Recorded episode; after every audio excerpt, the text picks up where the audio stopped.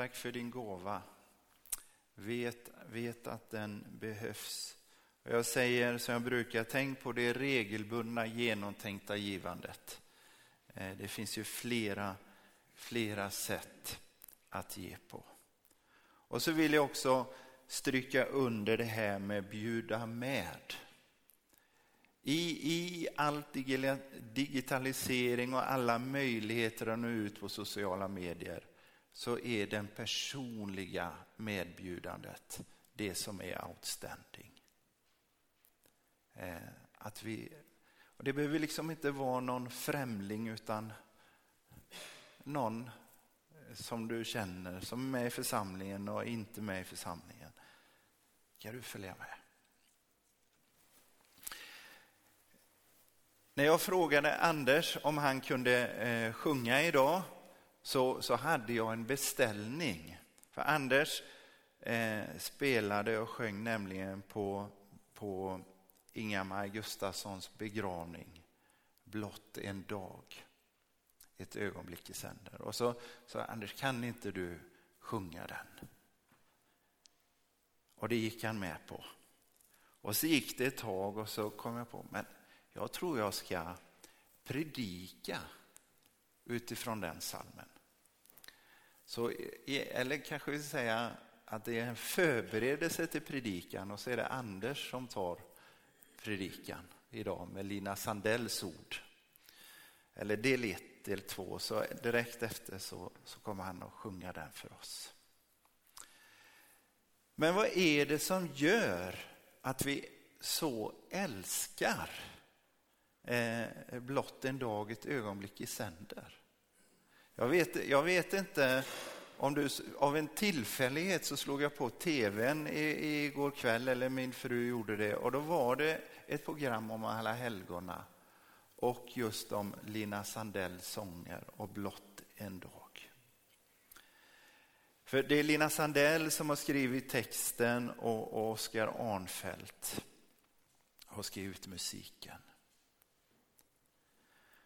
Och jag tror att hemligheten ligger i hur Lina i sin psalm ger oss en nyckel till att möta livets dubbelhet.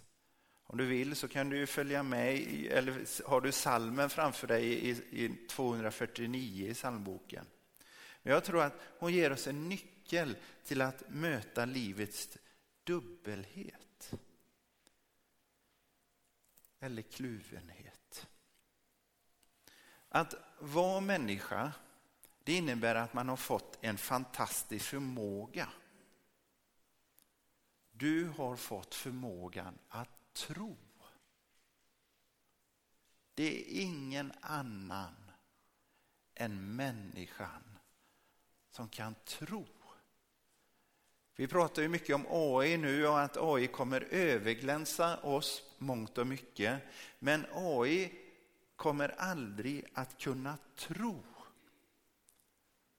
För tro innebär att vi kan föreställa oss saker som ännu inte skett. Som Hebreerbrevet beskriver det, tron är grunden för det vi hoppas på. Den ger oss visshet om det vi inte kan se. Alltså, genom tro så kan vi föreställa oss saker i framtiden. Ibland brukar vi tala om troende och icke-troende. Det är fel. Det finns inga icke-troende. För alla människor tror. Frågan är vad man tror på. Och Då skulle jag vilja säga, om du tror på Jesus, så säg det. Säg inte jag är troende, utan säg jag tror på Jesus. För tro i sig är ingenting. Frågan är vad man tror på. En del kan inte säga vad de tror på eller vet inte ens om att de tror. Men tror gör vi. Vi kan föreställa oss saker som ännu inte skett, som ännu inte finns. Och så kan vi handla utifrån den tron. Vi går i tro, brukar vi säga. Och det gör alla människor hela tiden. Att ni sitter här är ju ett exempel på att ni har gått i tro. Ni trodde att gudstjänsten idag skulle vara klockan tio. Inte att Peter, nej han tänker nog elva den här söndagen igen. Eller nej, det, det, det är nog inställt för, för Ove, organisten, har blivit sjuk eller så. Utan ni gick i tro utan att veta.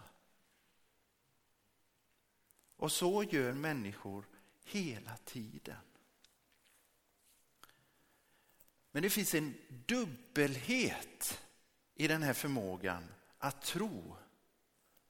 För samtidigt som vi kan tro gott om det som ännu inte skett så kan vi tro ont om det som ännu inte skett. Alltså att dåliga saker ska ske. Men då brukar vi inte tala om tro utan vi byter ut en bokstav. Vilken? Den första byter vi ut mot T till O. När vi har en negativ tro om det som ännu inte skett, då brukar vi inte tala om tro utan om oro. Men oro är ju faktiskt också en tro, en föreställning om det som ännu inte skett. Och som jag sa, alla tror. Och jag är rätt så övertygad om att vi alla faktiskt praktiserar de här båda sorternas tro. Att tro gott om framtiden med en förväntan att tro ont om framtiden med oro. Och det finns ju goda grunder för båda sorternas tro. Det sker gott, men det sker också ont. Så var det i Lina Sandells liv. Hon, hon fick möta många svårigheter. Hon var sjuk, hon blev helad. Eh, hennes pappa dog, hennes älskade pappa dog när hon var ung. Och, och så vidare. Och prästen Per Harling, han beskriver Lina Sandells motsägelsefulla personlighet. Han säger så här. Ofta framträder i Lina Sandells egna dagboksanteckningar en människa med uttalat svag självkänsla, inte sällan bottnad i en djup syndaångest, men också drabbad av en allmän kroppslig svaghet. Samtidigt är hon den stilla, tröstande och ömsinta lovsångens mästare. Alltså hon, hon hade den här dubbelheten, den här kluvenheten i sitt liv. Men blott en dag är en nyckel till att hantera det. Blott en dag är ju en sådan stillande, tröstande och ömsigt lovsång som ger oss nycklar att tro det goda mitt i dubbelheten. Och Lina hon inspirerades av åtminstone två olika saker när hon skrev den här psalmtexten. Vid ett tillfälle så läste hon en berättelse eller en allegori om en klocka. Ingen, ingen armbandsklocka utan ni vet en riktig klocka som antingen stod på golvet eller hängde på väggen med, med eh, urtavla och en, en pendel. Och plötsligt stannade den här klockan. Och urtavlan gjorde en grundlig undersökning och det visade sig att det var pendeln som var problemet. Den strejkade helt enkelt. Pendeln var så trött på att ständigt svänga fram och tillbaka. Och den erkände vad som var orsaken, vad som hade fått den att stanna. Alltså den strejkade helt enkelt. För den hade räknat hur många gånger den måste svänga fram och tillbaka under de närmaste 24 timmarna. Det skulle bli 86 400 gånger. När pendeln sedan multipli hade multiplicerat de här 24 timmarna med månader och år så gav den helt enkelt upp. Det blir för mycket.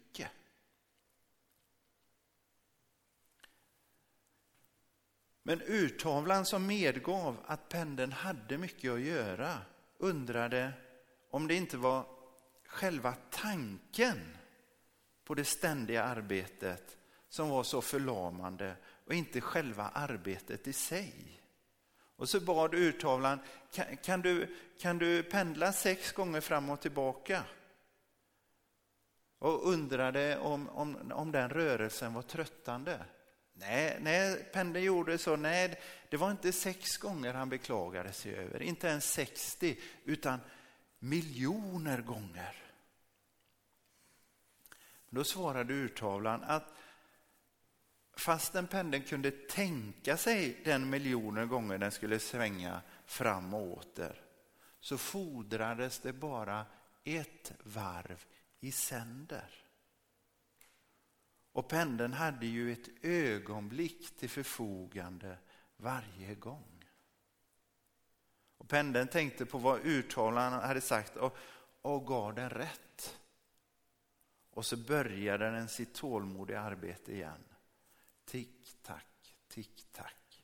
Och klockan fungerade. Blott ett slag, ett ögonblick i sänder. Lina inspirerades också av femte Mosebok 33 och 25. I den översättning hon hade läst, hon, hon var duktig i språk, hon hade läst i King James, den engelska bibeln som översätter bibelordet så här. And as thy days, so shall thy strength be. Och som dina dagar, så ska din styrka vara. Jag vet inte hur det är för dig, men jag har gjort och jag gör precis samma sak som pendeln. Jag ska ge dig ett exempel. Det finns så många, men det här är... Jag är ledig. Vila, avkoppling. Nej. För jag börjar tänka på de tre sakerna som behöver göras inne. De fyra sakerna som behöver göras i trädgården och de två grejerna som behöver fixas med bilen. Det logiska när man kommer på så många saker som finns att göra så borde man ju sätta igång direkt, ju förr desto bättre. Men för mig blir det tvärtom. Jag blir förlamad. Jag gör ingenting. Men fast jag inte gör någonting så är det ingen vila, det är ingen avkoppling utan det är en stress över vad jag borde göra.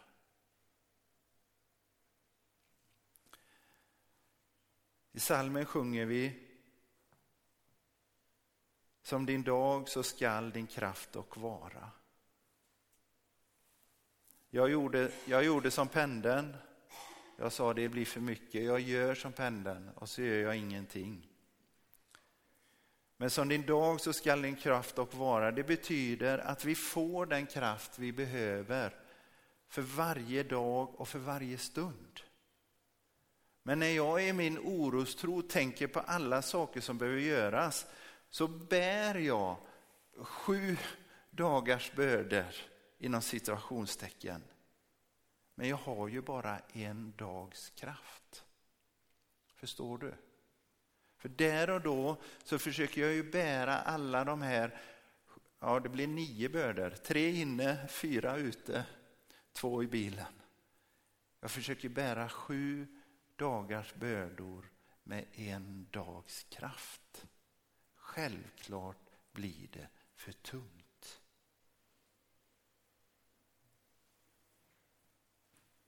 Men Lina Sandell säger möt varje dag. Möt framtiden med en dag i taget. Ett ögonblick i sänder. Och du kommer få kraft för varje dag. Jag skulle inte förvånas om Lina Sandell inte också inspirerades av Jesusorden i Matteus 6, 33 och 34. Sök först hans rike, alltså sök först er himmelske faders rike och hans rättfärdighet, så ska ni få allt det andra också. Gör er därför inga bekymmer för morgondagen. Den får själv bära sina bekymmer. Var dag har nog av sin egen plåga. Jesus vet att livet inte är enkelt. Jesus vet att det finns en dubbelhet i det. Varje dag har sin plåga. Men därför säger han som Lina Sandell eller tvärtom, gör dig inte, skapa inte bekymmer i förväg. Som pendeln gjorde, som jag gjorde och gör. Utan låt varje dag bära sina bekymmer. För du kommer få kraft till att bära den dagens bekymmer. Som din dag så skall och din kraft, så skall din kraft och vara. Men hur ska det bli möjligt? Hur, hur, ska, vi, hur ska vi våga detta? Jo, genom att söka vår himmelske faders rike och hans rättfärdighet före allt det andra som bekymrar oss så. Och Lina Sandell säger, allt ju vilar i min faders händer. Skulle jag som barn väl ängslas då? Det här innebär ju inte att man inte ska planera. När jag pratade med min fru lite om den här predikan så sa hon, ja det är almanackans fel. Men jag svarade, det är ju vårt val. För jag kan ju använda almanackan till blott en dag, ett ögonblick i sänder. Det beror på hur jag planerar, hur jag skriver upp. Jag kan ju, även om jag vet att det finns nio saker att göra, så säger jag, jag gör den saken denna dagen. Så det handlar inte om att inte planera. Men det handlar om att vara trygg i detta. Att jag kan inte ha någon kontroll över framtiden. Men allt vilar i min faders händer. Han som bär ett faders hjärta. Om du såg på det här programmet igår så, så skrev Lina Sandell faktiskt först en moders hjärta. Mer än en moders hjärta. Och någon anledning togs det bort och vi tänker alla att, att det var för att det var så. Men Gud som har skapat man och kvinna till sin avbild och älskar oss. Han, han bär oss i sitt hjärta. Och vi får lita på det. Och vi får söka den rättfärdighet som Bibeln ger oss löfte om. En rättfärdighet som inte bygger på vad vi själva åstadkommer. Utan som Romarbrevet säger. En rättfärdighet från Gud genom tron på Jesus Kristus. För alla den som tror. Här görs ingen åtskillnad. Hjälp mig då att vila tryggt och stilla blott vid dina löften, Herre kär. Ej min tro och ej den tröst förspilla som i ordet mig förvarar där. Hjälp mig, Herre, att var helst mig händer taga ur din trogna faders hand. Blott en dag, ett ögonblick i sänder tills jag nått det goda land.